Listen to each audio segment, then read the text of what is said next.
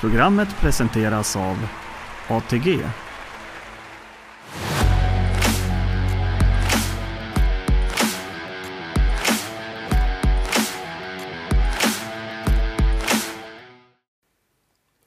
Hjärtligt välkomna ska ni vara i vintervädret till Hela potten, programmet som kan göra dig till Grand Slam-miljonär.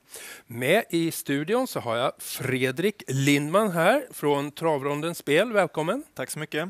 Hur eh, är det med dig och hur ser du på den här omgången? Eh, tack, det är bra med mig i vinterkylan. Eh, omgången tycker jag ser eh, rolig ut, ganska svårlöst. Tyvärr så är det bara ett av de här sju loppen på GS75 som är fyllda till fullo. Eh, jag brukar gnälla lite över det när loppen inte blir fulla. Så här. Men, men eh, relativt fulla fält, det är bra kvalitet på tävlingarna i Mantorp här, så att, eh, eller på Mantorpstravet. Så att, eh, en bra omgång. Ja, vad säger du om just Mantorpstravet? Vad ska man tänka där? Vad kännetecknar den banan?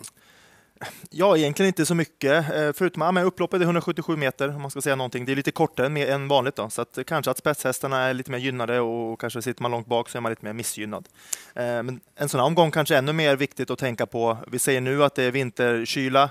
Eh, prognosen säger till helgen kanske att det ska bli lite varmare igen, varmare än 20 minus i alla fall, men, men neråt nollan. Liksom, så, så att man kanske har koll på banunderlag och väder och så här, hur det påverkar hästarna. Då drar vi igång då. Veckans bästa spik, vad skulle du säga? Ja, kanske nummer 9 Melby Indigo här, GS75 4, eh, tycker jag. Eh, det här är en sexåring som eh, har gjort det väldigt bra på sistone, fått ett par lopp i kroppen och kommit igång och gjort det bättre och bättre. Eh, var riktigt bra senast. Eh, och har spår 9 igen. Bakspår gör ingenting för honom, för han är inte så startsnabb. Så att han hamnar ändå liksom i kön så normalt sett och är sen tuff och tål att göra jobbet där. Så att, ja, men 9 Melby Indigo tycker jag är en bra spik. Det är Robert Berg som tränar, Carl-Johan mm. Jeppsson som kör och eh, han går ju med skor runt om den här gången. Det betyder mm. att han får skor på framhovarna. Det har han ju inte tävlat med på slutet. Nej, och det, det är klart, det, det är optimala är ju säkert barfota framme som Robert Berg helst tävlar så. Men eh, Melby Indigo gick bra förra vintern med skor runt om. Han vann bland annat lopp då.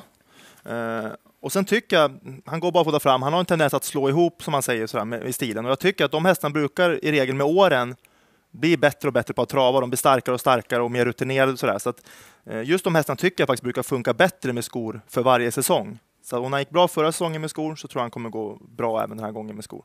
Lite snabbt, det är väldigt, väldigt jämnt spelat i det här loppet om vi tittar på procenten just nu. Blir han favorit? Eh, kanske, jag tror kanske inte det. Eh, som du säger, det blir jämnt spelat och det är kanske därför också att det är en väldigt bra spik. Hade han varit klar favorit, då kanske jag inte hade tyckt att han var en lika bra spik såklart. Då. Men eh, just det här loppet, där det ser ut att bli jämnt så tycker jag att Melby Indigo kan vara en bra lösning här i GS75 4. Mm. Och då vill jag gärna ha en riktigt bra spik till. Mm. Då går vi till GS75 7. Eh, där har vi nummer 6, eh, Winner Brodde. Den här hästen tror jag dock kanske kommer bli favorit. Och en befogad sådan, för den här hästen tål att bli favorit om man säger så, för hans segerchans är så pass hög. Nummer 6, Winner Brodde, GS75 7. Ja, han kommer ju närmast från en Breeders Crown-final där han dock slutade oplacerad. Mm. Eh, hur resonerar man när man kommer från en tuff årgångsfinal så här och så möter lite mer normala hästar? Då? Ja, men regeln är ju det att de, de går ner i klass som man säger. De möter lite sämre hästar nu än man gjorde senast och det, det kan ju vara positivt för psyket att man möter sämre hästar, man känner sig kaxigare och sådär. Men eh, den här nollan som man har från senast är ju väldigt missvisande tycker jag, för att han hade faktiskt en otroligt fin avslutning i skymundan. Jag tror till och med att GPS-klockorna visar att han var den snabbaste avslutningen på hela tävlingsdagen. Eh, sista 200, typ sådär. Eh, så det var en väldigt bra avslutning i skymundan, så att han, att han var oplacerad är ju väldigt missvisande. En favorit att luta sig mot alltså? Mm, verkligen. Ja, men för att få hela potten så behöver vi en riktig Grand Slam-skräll till. Var hittar vi den? Eh, den hittar vi i GS75 5, eh, en hemmahäst som är nummer 5, Fiona Pavlova. Där tror jag att vi har en riktig skräll som kan ge oss hela potten. Motivera det, förutom att du förmodligen gillar Pavlova-bakelser då? Ja, precis. Det var min enda motivering. du, Pavlova är också en balettdansös, så hon måste ju vara säker på fötterna den här. Uh, hon är väldigt säker på fötterna och snabb och det är framförallt kanske därför som jag lyfter fram henne. Hon har spår fem bakom bilen, det är kort distans, vi har pratat tidigare om att det är kort upplopp.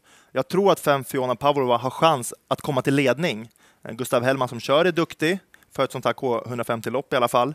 Eh, Fiona Pavlova har ju fått två lopp i kroppen nu blir bättre och bättre. Fick sparade krafter senast dessutom, eh, vilket eh, bör ha gjort att formen är uppåt. Där. Så att, nej, men ledning, kort distans eh, och intrycket senast, där, det, det, det, är bra grejer.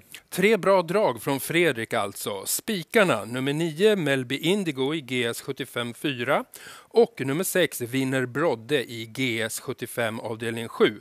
Och så då den viktiga Grand Slam-hästen, bakelsen eller balettdansösen nummer 5 Fiona Pavlova i GS 75 avdelning 5. Så eh, det är väl dags att säga tack för oss och glöm inte GS75 nu på söndag och eh, veckan efter. Vilken bana kör vi då på? Nu kör vi i Kalmar. Det har du koll på.